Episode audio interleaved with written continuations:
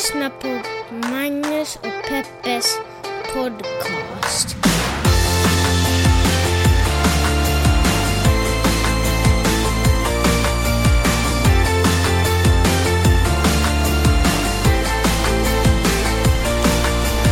Hallå internet och hjärtligt välkomna. Hoppas att ni känner er till den här podcasten som heter Magnus och Peppes podcast. En liten podcast där vi pratar om stora och små händelser i världen. Har det hänt någonting? Och så pratar vi om dem ur ett journalistiskt, feministiskt och mediegranskande perspektiv. Hej Peppe. Hej Magnus. Hur är din vecka? Hur, hur, hur har du det i livet just nu Peppe? Hör du, ända sen du rakade bort skägget och bara lämnade kvar mustaschen, har det varit extra bra. Har det varit det? Ja. Berätta, på vilket sätt förgyller min mustasch ditt liv? Nej men du är som en annan person med mustaschen. alltså, menar du att jag ser ut som en annan person eller tycker du på riktigt att jag har ändrat Alltså, personlighet? både och. Jag blir så pirrig i magen när jag ser att det går omkring en man med mustasch här i vårt hem. Det, det, det finns något lite gross i det du säger just nu. Jag tycker, jag själv äckla, äcklas lite av mig själv faktiskt. Varför det? Lyckligtvis så går jag inte omkring och tänker på att jag har mustasch hela tiden. Jag glömmer ju bort det. Ehm, men när jag ibland ser mig själv i spegeln så bara så här, "Äh, fy fan vad deppigt.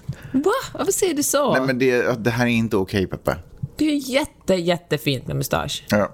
Eh, jag menar, jag men, alltså, när jag ser män- män på stan som har mustasch så tycker jag ofta att det, det passar dem.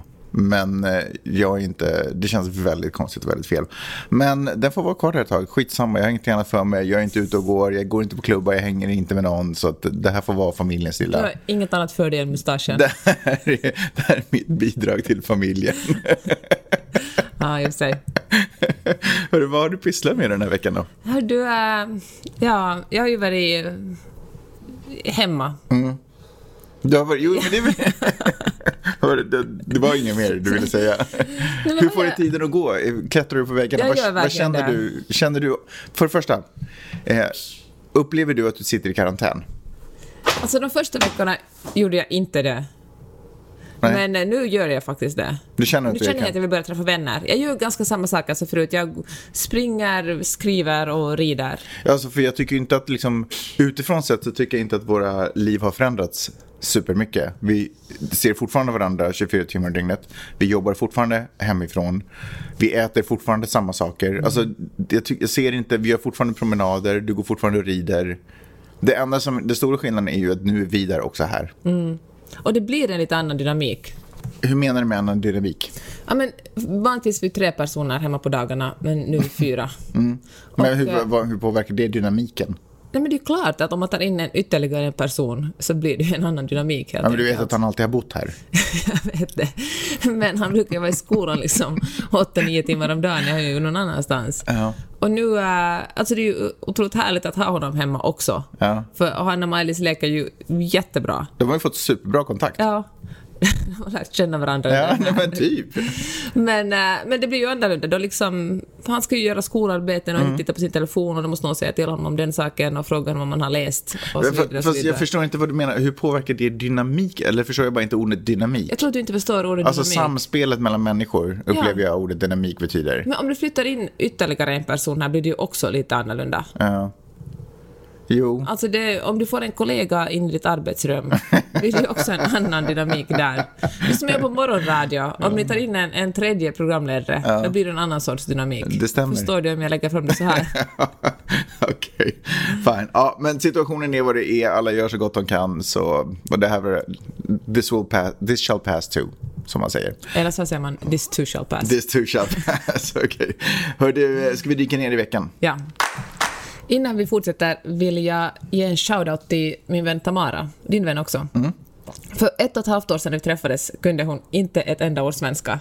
Vet du vilket det första ord hon, var, hon lärde hon sig, som Nej. hon lärde sig? Nej. Gissa. Eh, hej. Häst. Okej, makes sense. Och, äh, och sen, sen, alltså hon är ett språkgeni, hon talar jättemånga språk, men så fick hon för sig att hon skulle lära sig svenska. Och, På grund av er vänskap? Ja, och så började hon, men lärde hon sig, började hon lära sig ett ord om dagen, sen började hon läsa en svensk barnbok, sen, äh, ja och nu lyssnar hon på podden. Och vi, när vi smsar med varandra smsar vi alltid på svenska. Visst är det ganska otroligt på ett och ett halvt år sedan lära sig så bra svenska? Det är faktiskt ganska Att man kan otroligt. lyssna på podd och läsa böcker och kommunicera. Otroligt faktiskt. Bra jobbat Tamara. Jag kommer inte ljuga. Eh, punkt. Vilken bra premiss för den här podden. jag ska försöka att inte ljuga. Nej, men faktum är att eh, vi har gjort några omstarter eh, på den här podden, den här, eh, den här sändningen, det här avsnittet. Eh, du vet, man är nyvaken, tankarna är inte riktigt helt med än. Man försöker, vi, vi, vill försöka få ett så bra intro som möjligt. Nu vet jag inte om det som blev kvar blev det bästa, men vi orkar inte mer. Skitsa. Min poäng är det här. I en av omtagningarna så, pratade, så tog du upp om huruvida man får vara glad nu eller inte. För jag frågade typ i stil med att har haft en bra vecka och då var det så åh jag vet inte, får man säga att man har haft en bra vecka? Och jag tänkte vi skulle prata lite om det där. För varför, vad är det som, vad är det som pågår, upplever du, i världen som gör att du inte får vara glad nu? Människor är rädda, har ångest, människor är sjuka, människor dör eller deras närstående dör. Och eh, det svävar en, en stor ovisshet över hela... Jag tror det är det som ger folk mest ångest faktiskt. Man vet liksom inte... Det finns ingen, det finns ingen facit för det som pågår. Och såklart den ekonomiska ångesten. Mm. Här i USA har ju 3,3 miljoner människor anmält sig som arbetslösa. Och eh, då är det bara de som kan få arbetslöshetsunderstöd. Det finns säkert otroligt många fler som inte är, som eh, ändå är arbetslösa men inte liksom kommer att uh, få, någon, få någon ersättning. Mm. För jag tycker ändå att det, alltså jag ser absolut den ekonomiska aspekten av det hela. För det finns ju inget vidare än att leva och inte veta om man kan betala hyran. Eller... Ja, den där nattliga ångesten. Har haft den för många gånger, vill inte tillbaka dit. I feel that shit. Eh, så med, med det i åtanke så är det ju klart att nu är inte en tid då man glider runt och sprätter pengar runt omkring sig och stylar med alla cash man har. Eller så. Men någonstans, alltså, och jag förstår, alltså, någonstans är det ju respektfullt mot människor som går igenom lidande att inte stå bredvid och skratta. Liksom. Eh, åt sitt eget liv, jag menar inte åt, åt andra människor utan ens alltså åt sitt eget liv. Men någonstans så kan, jag, så, så kan jag ändå känna att himlen kan vara blå och solen kan skina även fast misär existerar på jorden. Och faktum är att innan december förra året, när skiten träffade fläkten i Kina, så har folk levt i misär på den här jorden. Och folk har haft det fruktansvärt illa och dött av alla tänkbara olika saker och haft, verkligen haft pengaångest utan att det egentligen mm. påverkar vår vilja att festa och ha roligt eller, eller uttrycka mm. vår glädje. Nej, men jag fattar vad du säger. Alltså jag, jag, vet ju också om det. Men är det nu för att det är våra grannar som är... Som har, alltså jag menar inte fysiskt våra grannar, men jag menar i princip att det är folk... Nu är det vår egen kultur som är drabbad. Uh, så att säga. Ja, men alla kulturer är ju drabbade. Jo, jag vet. Vi kommer närmare oss som personer. Jo, alla kulturer är drabbade, men, du, men också vår egen. Alltså, jag vi... förstår att du försöker komma, att när någonting... Förstå, om det här bara, förlåt, men om det här bara hade varit Kina nu. Mm. Det är mars och det har aldrig kommit någon annanstans. Mm. Hade vi haft svårt att uttrycka vår glädje och... Nej. Nej men det är klart, att så fort ju närmare någonting kommer, ja. desto mer påverkar det ens eget uh, sätt att se sig själv i helheten. Ja. Men, och det var ju mest en tanke jag ville experimentera med, det där att får man vara glad? Alltså på en, jag fattar ju att det är klart man ska få vara glad också, men uh, men, ja, men i vissa situationer kan det kännas respektlöst att inte ha ångest till exempel. Mm. Jag tror att vi igen kommer tillbaka till det där som vi har pratat om de senaste veckorna i, i olika ämnen. Att låta två motsatser existera parallellt. Liksom. Att jag känner glädje betyder inte att jag samtidigt måste bete mig respektlöst. Men att jag kan nog känna tacksamhet och lycka för allting, eller tacksamhet och glädje för saker jag i stunden upplever. Trots att jag förstår att det är liksom mörker runt Tänk på det att man kan ha två tankar i huvudet samtidigt. Ja, men man, så här, jag tror också att det är viktigt att man, ja, två tankar också, men också två känslor parallellt. Jag tror att det är ganska viktigt att man tillåter sig göra det, för jag tror att vi liksom ganska länge har levt i en värld som har format oss till att välja sida. Vi, vi, vi, står antingen för det här eller antingen för det här. Vi kan liksom inte, vi kan inte se positiva saker i Trump också. Utan vi, antingen är han en good eller så är han en bad guy. Mm. Och, och, och, där är det. Är han en bad guy, då finns ingenting han säger. Och även fast jag säger något positivt så måste det finnas en ond baktanke. Mm. Vi måste förklara det på något sätt så att vi inte kan välja honom. Eh, för det, alltså sådär att, att på något sätt lite mer bli bekväm med tanken att två känslor måste få coexist. Mm. Existera samtidigt, parallellt. Ja. Och kanske stödja varandra. Låta, låta, dem, låta allt det mörker som sker få oss att se allt fantastiskt vi faktiskt nu nästan står på brinken att inte ha rätt till längre. Mm. Men också låta det positiva hjälpa oss att ge oss energi till att göra vettiga beslut som gör att vi kanske kan komma över den här mm. jobbiga tiden. Ja, men sen tänker jag, det, ja, man får ju inte heller lita för mycket på sina känslor. Eller man ska verkligen inte alls lita på sina känslor. Känslor kommer och går. Det var min kompis Elin sa så här, det, känslor är bara hjärnan som gissar. Mm, bra sagt. Bara för att uh, man känner att man avskyr Trump betyder ju inte att det är så. Det kanske mm. man gör ändå. Men, men förstår du, man, får liksom inte, man ska inte rationalisera sina känslor eller fatta beslut på basen av sina känslor. Mm. Man ska fatta beslut på basen av information. Vet du om att det, det finns ju folk som så snackar skit om Trump men som ändå själva beter sig trumpiskt? Mm. Förstår du vad jag menar? Och det är ju för att man har valt sida men man är egentligen en annan person. Mm. Men man har bara på något sätt forcerat sig själv in i ett kluster.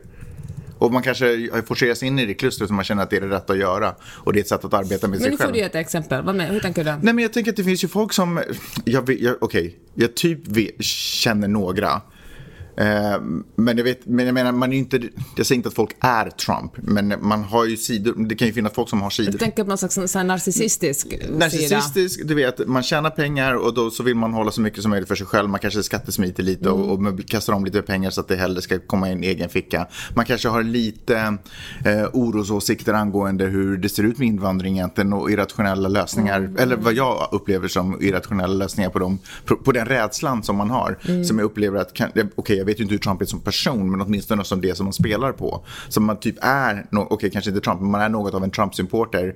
Men man kan inte erkänna det för sig själv som man ställer sig på den andra sidan för det är på något sätt där man ser sig själv. Och då menar jag, och det är en konflikt mellan två stridande känslor inom ens mm. kropp liksom. Man är lite det ena men man vill inte erkänna det för sig själv för det passar inte ens uh, den sida man har valt. Ja, eller på något sätt så förstår man att jag vill vara god och öppen för världen men jag är samtidigt också väldigt rädd för den. Mm. Uh, och, och, båda de här, uh, det finns olika förväntningar på de, olika, på de här olika känslorna. Om jag är öppen för världen då ska jag på något sätt öppna dörren så att alla ska få komma hem till mig. Och är jag rädd, då ska det vara en mur. Mm. Det finns liksom ingen mellanväg för jag måste välja sida. Liksom. Mm. Tycker jag är väldigt intressant. Ja.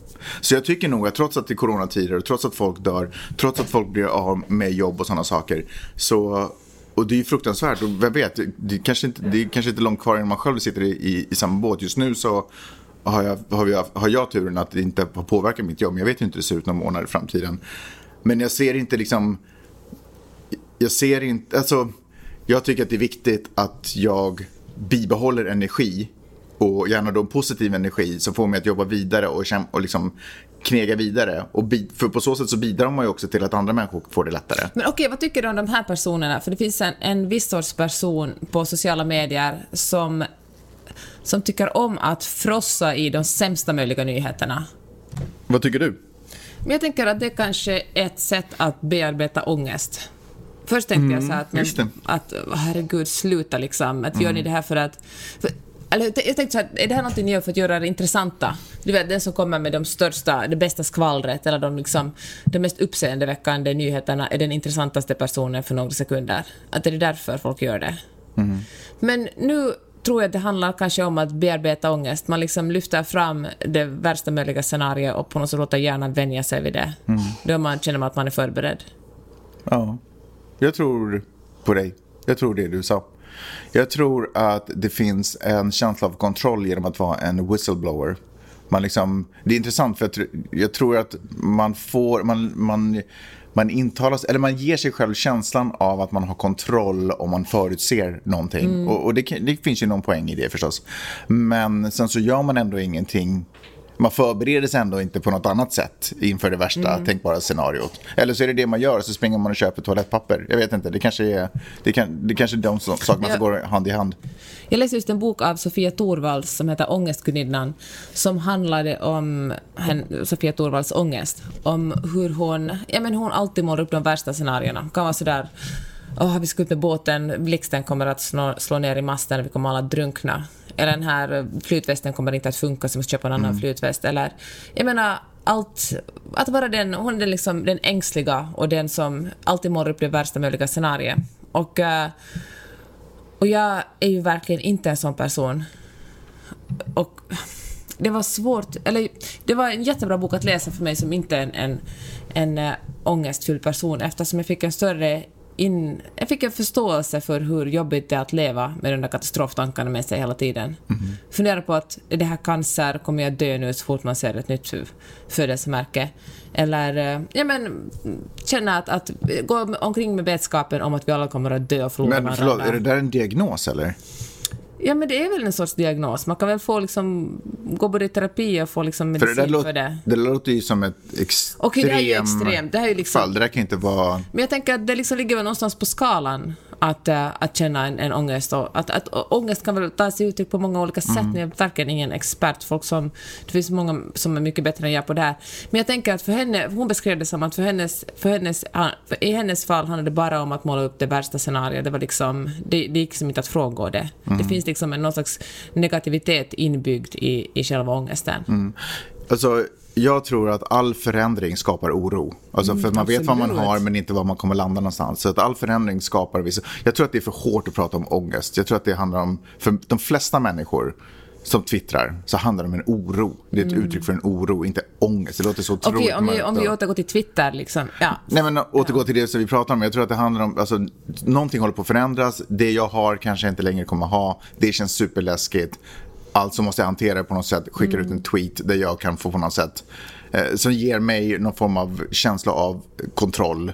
Därför att jag förutspår ett scenario, eh, mm. liksom det ja, värsta precis. tänkbara ungefär. Ja. Och då har jag på något sätt visualiserat det och då ger det mig på något sätt en trygghet i, i hur mitt liv kommer te sig. Jag vet inte, någonting sånt känns, känns det mer som att det är mm. kopplat till. Och, och, jag tror att det här är också en så här, eftersom allting hela tiden förändras, jag tror att det, vi måste komma bort ifrån den här um, eh, chimären eller den felaktiga föreställningen om att det vi har är konstant. Alltså det, allting är hela tiden i förändring. Det faktum att det är en ny dag är ett tecken på en förändring. Det är kanske minimal, men det är fortfarande en förändring. Och sett på tio år, perspektiv tio mm. år, så i många fall så är det ganska, kanske inte natt och dag, men det är ganska, säkert ganska mycket som har hänt eh, på den här tiden. Så allting hela tiden förändras. Så på något sätt släppa den här oron och låt den snarare bara bli en del av hur det är att leva. Inte, så, inte lägga så mycket eh, negativ värdering i den. Det är bara en del. För, för poängen med det här,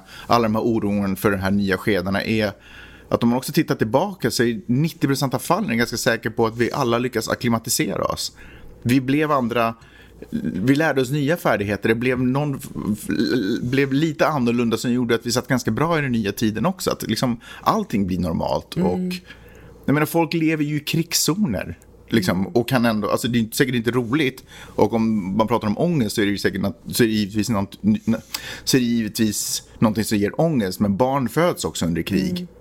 Det finns alltid ett sätt att på något sätt att eh, coexist, Nej, men, eh, samleva, leva i, i, samtid med fruktansvärda saker. Mm.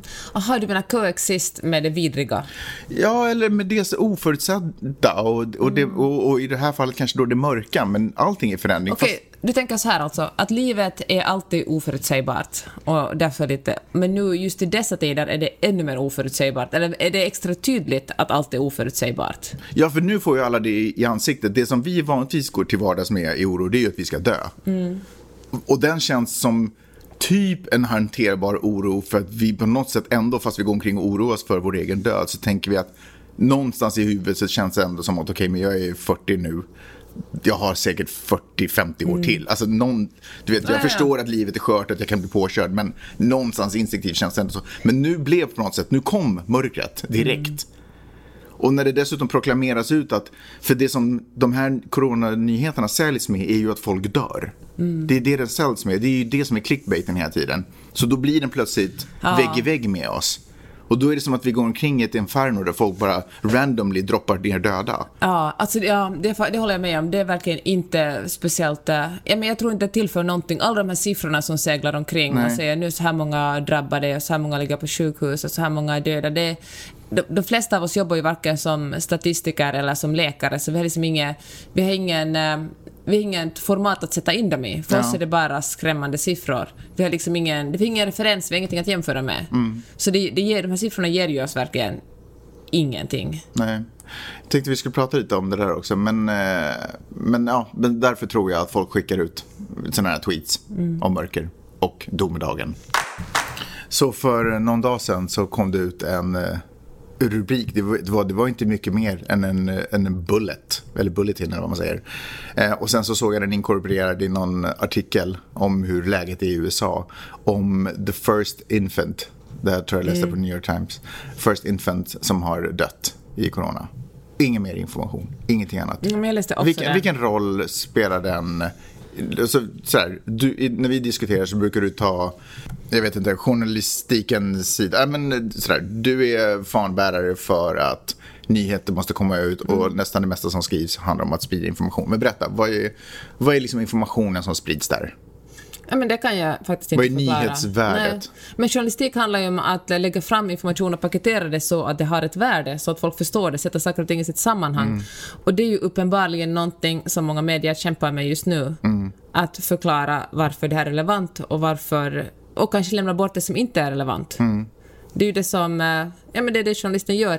Journalister, vem som... För det här Ja. brukar ju brukar vi också tala om hur eh, det inte är journalistik att gå och ställa sig någonstans och säga jag ser två polisbilar. Det betyder ju ingenting Nej. att vi ser två polisbilar. Då måste man förklara varför de här polisbilarna är där, vad, vad, vad, det här, vad, vad, som, antal, vad som har hänt, vad som ledde till det här scenariot och eventuellt säga att det här kanske kommer att eh, leda till det här. Det är ju det som är journalistik, att ha så mycket kunskap att man kan paketera in den här informationen i ett relevant paket. Men när en sån där kommer ut då, en sån där informationsliten, en liten informationsbit. Vad, eh, vad har hänt då? Är det, har, har journalisterna på tidningen liksom svepts, svepts med? Vad är, är liksom panik av att vara ute med den första nyheten? Jag tror det. Jag tror verkligen det är så. Att vi vill vara de som... eh, Om vi inte skriver ut det kommer är folk... Man sitter på redaktionen och talar så här. Om vi inte är som skriver ut det här kommer vi att bli anklagade för att mörka information. Mm. För det som, de frågorna som nu hänger över mig här som jag, aldrig har, som jag inte fått svar på hittills är vad var omständigheterna kring att det här barn, betyder det här nu att viruset har muterat och också är farligt för spädbarn? Det är ju otroligt relevant informa- information. Det vet jag ju inte ännu med det här som jag har läst. Eller var det så att det här barnet hade andra, som man säger då, pre-consist- vad heter det, pre-existing conditions Alltså att den var sjuk sen tidigare av någon annan så.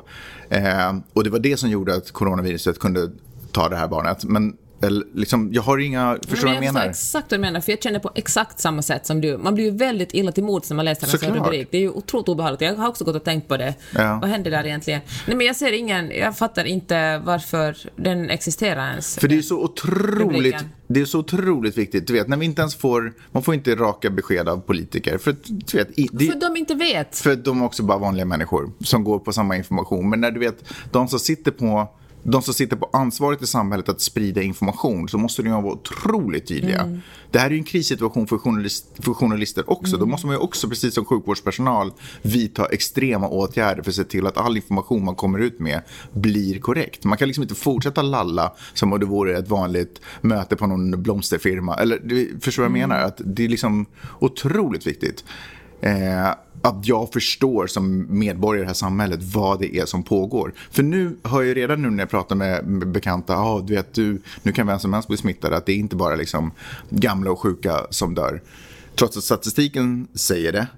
Eh, men, men med sådana här rubriker så gör det att ryktet, eller jag vet ju inte ens om det är ett rykte, men än så länge känns det som ett rykte för Ja. Om att det går ner i åldrar, tonåringar. Men, precis, just den där... Den där men jag tror det också handlar om att... Um, patient, patientsekretess. Man får liksom inte berätta för mycket om en patient. Nej. För det liksom angår ingen annan. Det finns liksom lagstiftning kring det. Men då måste man, alltså det här är inget försvar, men då tycker jag att då måste man skriva om det på något sätt eller avgöra Eller om det vänta med den relevant. informationen. Precis, jag tänker samma sak. Nu är du ju inte på Twitter, men jag är ganska mycket på Twitter och där finns det jättemånga historier där folk berättar hur det har varit när de har varit inlagda på sjukhus Mm. eller om deras bekanta som ligger på sjukhus som är sjuka. Och så får de jättemycket retweet de här historierna och de stämmer säkert. Då blir de som artiklar, som objektiva Exakt artiklar, fast de egentligen inte är det. Precis, folk liksom vet inte skillnad på om det här är en, en eller jag tror att kanske folk av okunskap eller också på att hjärnan helt enkelt är funtad Mm. så att man förstår inte skillnaden på det här är relevant information som eh, stämmer den här informationen, Mm. vad liksom är den här personen som dog, som var ung och dog, hade, hade den här personen, som du säger, liksom, rökte den mycket, hade den liksom en lungsjukdom, Mm. hade den blivit behandlad för cancer och hade för, för ett lågt eh, immunsystem Och, eh, och då på något sätt är det det som man kommer mest ihåg. Då man, går man omkring och tänker nej, nu har det dött en 30-åring. Det betyder jag är över 30, jag kommer också att kunna dö. Och då spär det på bara med den här ångesten och rädslan. Mm. Som gör att det kanske är svårt att, ja men Fan, alltså folk borde vara noga med vad de Fast läser. där, fast där måste jag ändå fråga dig en sak. För att det är inte så ovanligt att man i artiklar använder sig av vittnesmål. Man pratar om någon som var på platsen som berättar. Vad, vad är det för skillnad på att någon själv berättar fritt på Twitter eller att någon blir intervjuad och berättar samma sak? Därför att en intervjusituation, åtminstone i liksom tidningsvärlden, då sätter man ju saker omkring in i ett sammanhang. Man förklarar, hej, vi är på det här sjukhuset, vi intervjuar den här personen som är inlag av den här orsaken, om hen vill ställa upp för intervjun. Och så kan den här personen berätta. En annan sak att en anonym person på Twitter berättar om sin bekants erfarenheter av sjukhusvården. Det, liksom, det kan såklart stämma, men det kan också inte stämma. Eller det kan vara så att det är bara en del av informationen där. Därför tycker jag att det är extra viktigt att verkligen fundera på var man, ja men vilka nyheter man läser och vilka nyheter man behöver läsa. Måste man verkligen läsa nyheter en gång i timmen? Eh, jag ska erkänna att jag, har, jag är ganska dåligt förberedd eh, till den här podden. och det beror faktiskt på att jag har haft svårt att läsa nyheter den här senaste tiden. Därför att de gör inte så, för det, är ju bara, det står ju bara om corona. Det är bara olika vinklar på corona eller olika statistikinformation eller och så. Så jag har liksom, jag har svårt att ta till mig den informationen för att den är inte tillräcklig så det undviker den hellre. Därför den ger mig ingenting. Tvärtom så, ris- så ris- känner jag att jag, jag riskerar att svepas med i en oro baserad på felaktig information. För att jag har dragit fel slutsatser Mm, av de här siffrorna som kom ut. Så därför så har jag liksom ganska dålig... Liksom, ja, jag, måste, jag måste hålla mig liksom borta från det här för det, det gör mig frustrerad. Att jag inte får veta allting som jag vill veta. För att jag upplever precis som andra människor som kanske vill förutspå, alltså folk hanterar oro på olika sätt.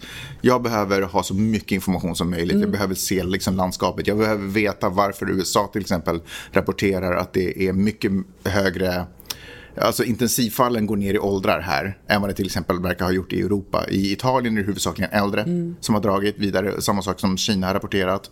Eh, Det verkar vara så i Sverige och liksom, stora del, eh, liksom hela Europa. Medan här så verkar det också nog påverka mycket yngre åldrar. Jag har, det en, och jag vill veta vad det beror på. För det måste finnas ett svar. Det Italien handlar det ju om att Italiens Jo, jo, befolkning men är jag- typ den äldsta i hela Europas. Jo, men jag vill veta varför. Nej, men vänta, det, nu pratar du om en annan sak. Du pra... Det du svarade på, det var för dödligheten är Ja. hög i Italien. Vad vet. du då? Nej, men jag, jag sa att jag vill veta varför de, eh, intensivvården och dödligheten verkar gå ner i ålder i USA. Mm. Så som deras, vad heter det, eh, CDC eller vad heter, deras liksom, folkhälsoministerie kan man säga. Så, så deras folkhälsoministerie rapporterar. Jag vill veta vad det beror på men jag får liksom inte riktigt Mm. den informationen. Och, då, och jag vill liksom, det är så otroligt lätt att vara sådär att man börjar sluta sig till egna teorier som jag har i Mm. Ja, mitt huvud. verkligen. Jag har inte alls svårt att se Och jag sitter på många teorier, jag vill säga det nu, men jag vill inte säga det. Men Ja, jag känner att jag inte vill säga det högt i podden, för det är verkligen bara mina egna maggissningar. jag kommer ändå att vilja, jag kommer ändå säga. Men jag Okej. kommer också säga att det här är just det som är faran i det hela. Att folk håller på och sprider, ut- sprider ut sina teorier. Men jag måste också på något sätt Okej. förklara. Är din, vilken är din analys? Nej men för jag, för jag tror att man har som människa ändå ett behov av att förklara situationer. eh, Sådär. Och, och det är därför jag också känner att jag måste undvika de här eh, halvnyheterna. För då lurar jag mig själv att fylla i resten med den erfarenhet jag liksom, inom situationstecken och kunskap som jag har. Ehm, för jag, har inte, liksom, för jag har inte alls svårt att se att du vet, diabetes är ett stort problem i det här landet. Hälsa överhuvudtaget är ett enormt problem i det här landet. Så jag har inte alls svårt att se Nej, att, men det tänkte jag att också. Jag den- menar, det här är ett... att den intensivvården, vården skulle, eller de som behöver intensivvård, att det går ner i åldrarna. Mm. Men om jag inte får den informationen tydligt berättad för mig Mm. så då, då hamnar jag i, liksom, det kanske inte alls är det som anledningen. Det kanske är så att det har muterat. Mm. Viruset. Och det ser annorlunda ut här. Det kanske skedde, mutationer när det kom hit liksom. Som gör att det blir aggressivare. Vad fan vet jag? Att det är jättemånga som är, är, liksom ligger på intensiven kan ju helt enkelt också handla om att det är många som är smittade. Alltså, det har ju varit Mardi Gras i New Orleans till exempel, precis innan man stängde ner landet. Otroligt många unga människor som har rört sig väldigt nära varandra. Samma sak spring break i Florida. Alltså folk vägrar ju gå bort från stranden i Florida bara för någon vecka sedan. Alltså spring break är ju det här vårlovet, alla vet vad spring break är. Ja. Då folk åker, unga människor, college-studenter åker och festar till stränder. Det är ju, lär ju också vara, därför är, är Louisiana och Florida två av de stater som det ser riktigt illa ut i. Problemet i Florida är det som också det att där finns eh, de samlade pensionärerna i USAs samlade pensionärer. Mm. Man åker ju ner till Florida för att pensionera sig och det finns liksom, men typ hela städer där ingen är under 65. Mm. Ja, vilket fall som helst, otroligt viktigt att korrekt information sprids. Och det känner jag också sådär, om, om man läser någonting, om man inte har hela sanningen presenterad. Bortse Men hur ska man veta det då? Hur ska man veta att det här är bara en del av sanningen? Nej men jag tänker så här, om det väcker fler frågor än det ger svar, Mm. bara låtsas som du aldrig läste det, bara gå vidare. Mm. Skit i det, känner jag. Eller jag, jag måste göra så. Jag kan, inte liksom, jag kan inte fastna vid att en infant har dött när jag inte får något svar. Det för mig blir det som att fråga vad är meningen med livet. Alltså jag, bara, jag Mm. famlar bara runt. Jag försöker googla, jag försöker... Och det är också så här, riskerar bara hamna in på konstiga sidor som ger några alternativa svar. Till slut sitter man och läser svaret på Flashback typ. Liksom. Nej men, nu får Nej du men, nej, men förstår du vad jag menar? Att man bara luras ja. in för det man, man bara vill veta, man vill få allting förklarat och, och sådär. Men det handlar ju också om ett sätt att ta kontroll över... Det, Ja, det är där vi 100%. börjar. Det var det Allt handlar om att få kontroll över situationen. Mm. Man liksom gör helt idiotiska saker som verkligen inte tvärtom tar den en längre bort från Ja. kontrollen. Men bara det desperata behovet för att veta vad kommer att hända, hur kommer det här att sluta? Apropå nyhetsrapportering så ser det roligt ut på amerikansk tv. Därför att de eh, sitter typ inte, alltså på CNN så var det en nyhetsankare som satt typ inte ens i studion. Det kändes som att han sände hemma, hemifrån med sin telefon. Vad menar Det du? såg typ lite ut så. Nej men du vet när han, alltså nyhetssändningen. Ja. Han var inte i studion. Han satt hemma, i, Ankaret. så som vi sitter. Ankaret var inte hemma i studion utan ankaret var som han, det såg ut typ som att han gjorde en, ett, repo, alltså ett Han höll upp inslag. sin liksom, telefon framför Typ, ansiktet fast han satt, inte, sig själv. han satt inte och höll i det. Men Nej, typ så, ja, ja. den vibe var det. Och så intervjuade han liksom gäster som satt på andra platser. Och då, i de situationer som det har varit liksom två ankare, vilket är inte ovanligt förstås, då har de varit i olika studios. Och så har de liksom med, med split screen har de bara lagt Ah. Ja. in dem båda bredvid varandra. Och så läser de från samma prompter. Liksom så. eh, så det ser roligt ut. Eh, Trump har ju presskonferenser då tydligen nästan varje dag. Mm. Och igår så var ju den stora nyheten av att, så här är det. Det amerikanska folkhälsomyndigheten, motsvarigheten till det, CD någonting. De eh, menar att, de, har kommit, de gjorde en studie som menar att om, man, om USA inte skulle gjort någonting för att förhindra, eller några åtgärder, vidtagit några åtgärder som helst, då skulle två miljoner amerikaner lika med. Eh, men tack vare de åtgärder som man har gjort och de eh, man fortsätter att planera att göra så ligger man nu på ett maximum på 200 000 amerikaner kommer att mista livet. Eh, och det är den, det är liksom den stora nyheten just nu. Eh, och Trump tyckte naturligtvis att det, det Han har svängt till någonting bra. Ja, det här är naturligtvis, det, det får man väl ändå säga att det är naturligtvis. Alltså 200 000 är ju mycket färre än 2 miljoner. Ja, det beror på hur man paketerar det. Ja. Ja. det är ju 300 miljoner land. Alltså, Ja, kan, jag menar, om 200 000 rök med i Finland, då skulle situationen sett annorlunda Ja. ut. Då hade vi liksom, Typ alla finlandssvenskar. då hade det liksom inte, då hade det inte, ja, då hade det blivit regimskifte typ. Mm. Liksom. Ehm, men jag, jag vill bara säga det, att han, han håller presskonferenser fortfarande inför liksom folk så att säga. Att han gör inte som nyhetsankarna gör, utan han, han står fortfarande framför och pratar med människor. Ja, det var det du menar. Han är Ja. liksom inte rädd för Nej. att äh, ställa sig Men det är ju hans... äh, det är ju alltså, det är ju det enda sättet, det är ju hans äh, lever. Alltså, det är det han lever för, att Mm. Ja. stå framför folk och Fast prata. han gör Fast- sina stor på Twitter. Ja, nej men eh, han, och han kör ju liksom, det är ju mer av ett, eh, ja, men det är hans bidrag i presidentkampanjen att bli återvald. Mm. Lika mycket, jag tror det är mer än som att informera om eh, vad som är på gång i landet. Ja. Han är ju väldigt arg på journalister som ställer kritiska frågor. Mm. Jag tycker att det är oartigt. Han, eh, för det, det är säkert ingen som har missat det här att också kongressen och senaten har röstat igenom ett två triljoner anslag. Ja men det är sån Kalle Anka-summa som Så- inte ja, existerar men- på riktigt. Ja, precis. Och de här pengarna ska gå ut till småföretagare och människor som inte kan betala sin hyra och, och, och så. Men att man slår igenom två triljoner anslag, det måste ju vara det yttersta beviset för att pengar inte är på riktigt. Nej, vet. Du vet, man kan bara trolla fram Ja. två triljoner. ja, Du verkligen. vet, här, här finns, nu finns de pengarna. Ja, nu, varsågod. hit- nu hittar vi på att de pengarna finns. Ja. Nej men verkligen. Det är ju den exakta, det blir liksom 1200 dollar för varje amerikan som betalar skatt. Någonting sånt ja. Det är ju tydligen den federala minimilönen. Jag får inte det. riktigt ihop det för det är 300 miljoner människor i landet. Ja, men alla kom barn, det finns ju barn här också. Ja, det stämmer. Just det. Ska inte de få något dåligt? Men hör du, eh, det här, alltså hans, eh, han har ju ganska bra ratings. Hur tror du att det här kommer påverka presidentvalet? Kommer han klara en period till tack vare det här eller kommer det här bli hans fall? Så här tänker jag, alltså han, eh, under kris vill ju folk ha en, det som du kallar landsfader och jag kallar landsförälder. Man vill ju ha någon, en trygg figur liksom. Och jag tänker att, att Trump som dessutom är liksom lite totalitär till sinnes, han är ju verkligen den här, eh, den stränga patriarken som folk gillar att se upp till. Men han är bäst världens svar på Kim Jong-Un. Ja, men liksom vissa... Och jag tror att det är därför delvis som hans siffror har gått upp så mycket. Plus att det säkert har synts extra mycket i TVn och det här är ju verkligen en TV-nation och folk gillar ju att kolla på sina ledare. Jag tror verkligen att... Och därför kan han också säga och ändra sig hela tiden. Liksom. För förra veckan sa han att vi öppnar landet vid påsk, igår sa han att vi stänger landet i början på maj. Nej, precis. Slutet på april och kanske till och med till juni. Ja. Och eh, det är ju för sig inte hans, eh, han kan inte bestämma över de enstaka delstaterna. Nej. Om Kalifornien vill öppna tidigare kan man knappast att göra, men då bestämmer liksom... Jag tror att till och med vissa, vissa borgmästare har befogenhet att bestämma över sin egen stad, mer än vad presidenten har. Strunt samma. Men eh, jag tror att eh, själva den här corona, coronakrisen, alltså själva sjukdomsfasen, inte kommer att påverka honom. Jag tror att det till och med kan ge honom vind i seglen inför presidentvalet.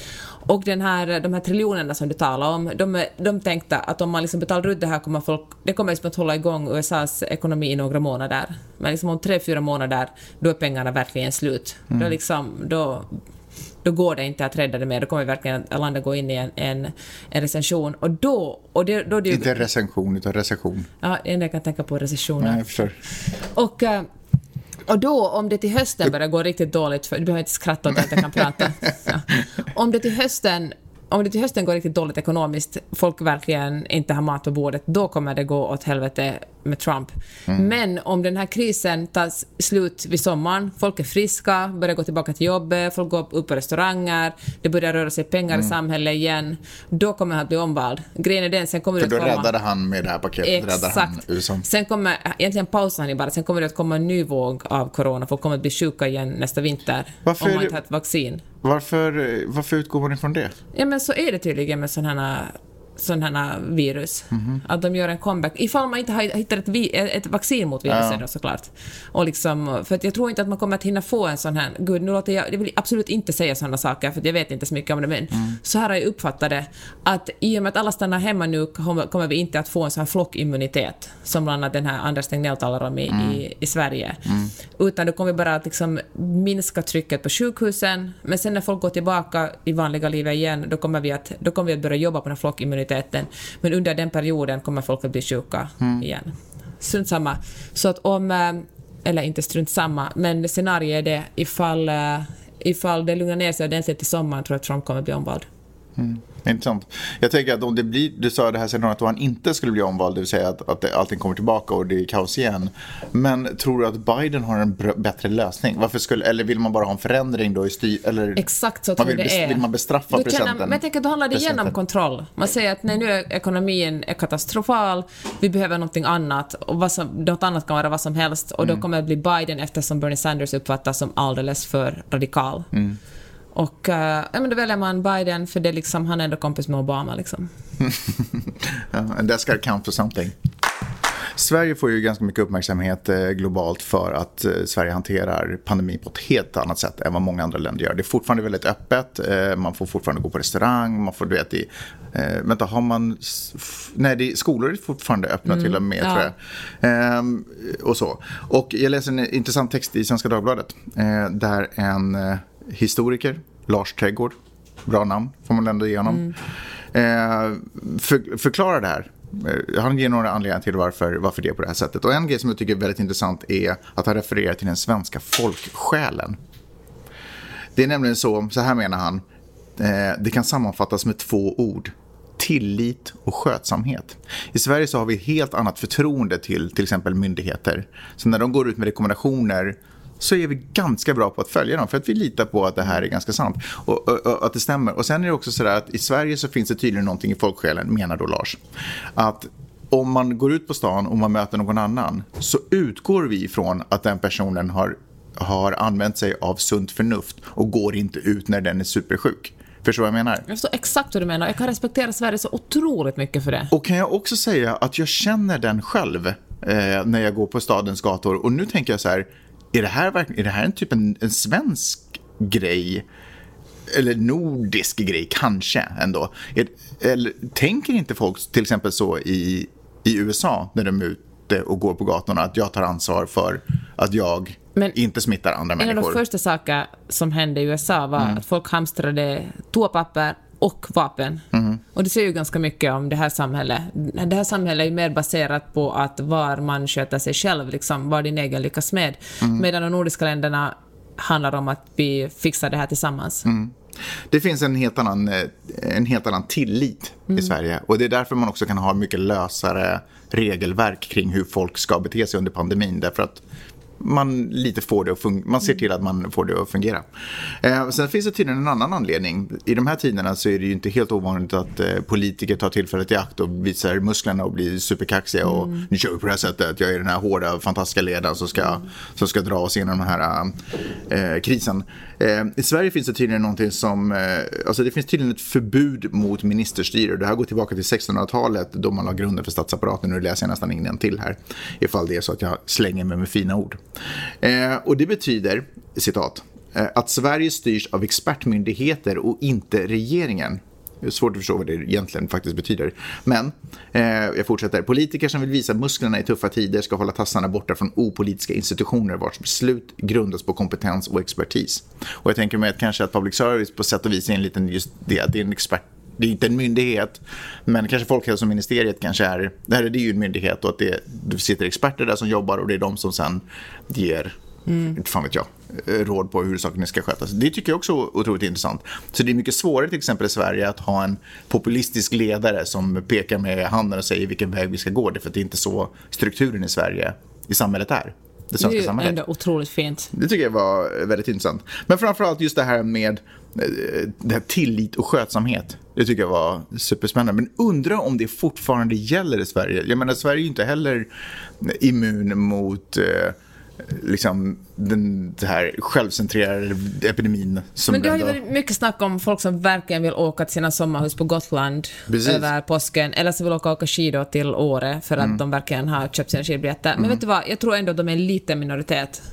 Jag tror verkligen att de... Av de som åker ut och skidar, ja. ja. ja. men det är ju en klassfråga nästan. Ja, men också att... Eh, ja, men jag vet vad, jag tror faktiskt att uh, till och med de som har råd att åka skidor stannar hemma. Mm. Alltså det finns ju alltid assholes till och med i Sverige, Magnus, som, som inte tar ansvar för sina egna handlingar.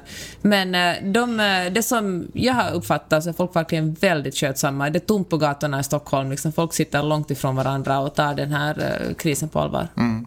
Skötsamheten, skriver, eller säger han, det låter lite gammaldags, men tittar man på djupstrukturen i samhället dyker detta ord alltid upp. Mm. Men alltså, jag läste en, en annan en, en, en opinionstext som handlar om att Sverige, som var helt emot det här, som sa att Sverige har så här lösa regler på grund av att Sverige aldrig har varit i en riktig kris, för att Sverige aldrig har varit, det är så länge sedan Sverige var i mm, krig. Mm, mm. Jag menar, Finland har ju väldigt färskt minne av vinterkriget mm. och liksom både, både Norge och Danmark var ju ganska starkt påverkade av Nazityskland under andra världskriget. Men äh, men Sverige har liksom... Ja, den, den här opinionstexten tyckte att Sverige liksom har levt så, så skyddat så man fattar inte när det är dags att, att ta krisen på allvar. Mm. Men, eh, fan, jag tror, ja, ja, men jag tror verkligen... Vi får se. Vi får se det tror... kan ju vara att Sverige biter sig i baken, men det kan ju också vara att det är ja. framgångssaga. Fatta så fint det är om det verkligen är en framgång. Jag önskar så innerligt att det ska vara en framgångssaga, inte bara såklart för alla människoliv, mm. utan också för att visa att det inte krävs, liksom, men som man i Finland liksom spärrar av hela Nyland, att det inte krävs liksom vägspärrar för mm. att uh, kontrollera folket, liksom, mm. att man inte behöver ta till hårdhandskarna, utan man kan lita på att, uh, men lita på människors solidaritet. Jag tror att det kommer att göra Sverige ännu starkare. Mm. Ändå tillsammans tog vi oss igenom det här liksom alldeles unikt, mm. medan andra länder liksom var tvungna att ta till... Jag, men, jag får ha en kompis som bor i, Lima i Peru som visar hur liksom militären åker omkring på gatorna där och, och tjasar hem folk. Mm. Fy fan vad vidrigt alltså. Ja, det är ju det som är fördelen med det systemet, att få folk att på något sätt fortsätta bara samexistera är ju att apparat, alltså den ekonomiska apparaten mm. fortfarande lite tuggar på hela mm. tiden. För här kan man ju inte gå till jobbet, här är man ju stekt. Där kan man fortfarande gå till mm. jobbet och på så sätt liksom finns det, liksom, allting stannar inte bara av. Och Nej. det tror jag kan vara sjukt lönsamt. Så jag hoppas verkligen att det kommer funka. Ja, det kan vi tala om nästa vecka. För... Nu är det ju ett mycket mindre land. Så det är ju givetvis mycket enklare att genomföra sådana saker än till exempel i Tyskland Ja, eller. Frankrike. Men det här är också alltid ett argument när man talar om, och talar om liksom välfärdsstaten i, i USA. Folk är sådär att det kommer aldrig att funka här för att i Sverige är så lite, eller Norden är så små länder, där kan man ha välfärd, här kommer det aldrig funka, vi är så många. Men samtidigt är ju liksom delstaterna, alltså det är ju en, en federation hela USA. Det Mm. finns ju liksom, man kan ju för, dra det ner till Mayor Garcetti, alltså Los Angeles borgmästare, kunde ju säga till exempel så här, men eh, vilket han i och för sig har gjort, inte liksom lika drastiskt som Sverige, men så att vi litar på varandra. Här finns det inga vägspärrar, vi är så att håller inomhus för att ta hand om varandra. Liksom stark, det finns en jättestark kampanj för att folk ska ta ansvar istället för att med våld tvinga in dem. Mm. Samtidigt så är det här ett land som är uppvuxet på helt andra traditioner för folk tar ju inte ansvar här. De stängde av parken här precis nedanför och den var full med folk. Mm. Polisen måste börja liksom åka in i parken med bilen och bara så här, please gå. Och, Väldigt artigt dock. ja, och jag ljuger inte när jag säger att polisen skrek så här, please this park is closed, can you... Du vet så. Mm. Framför honom så stod en snubbe och fortsatte göra sina armhävningar. Ja, det fanns inget i honom som ville så här, ställa sig upp och gå därifrån. Ja. Hör du... Därför det finns inget förtroende för, mynd, för myndighet. Alltså vi har inte, den, den känslan finns inte här. Nej. Hit har alla kommit som sin egen lyckas med. Mm. Nästa vecka kan vi tala mer om eh, hur, eh, för det som du sa, att alla har ju liksom, alla kan, vissa ställen, i Sverige får man gå till jobbet, i, här får man inte gå till jobbet, men det leder till att folk som du och jag sitter och jobbar hemma, de som är som medelklass och övriga kan jobba hemifrån, men de som allra mest utsatta är ju de som jobbar i mataffärer eller som kör Uber eller Lyft eller som på annat sätt, vars levebröd handlar om att antingen utsättas för smittan eller att stanna hemma och plötsligt inte ha en inkomst. Det är ju liksom ett, ett det är ju verkligen en den här coronakrisen är verkligen en klass, eller gör klassklyftorna väldigt mycket tydligare. Samma sak med jämställdheten, alltså menar, kvinnor är ju kvinnor som heltidsjobbar har nu för tiden heltidsjobb plus hushåll plus att ta hand om barnens, barnens eh, sk- skolgång.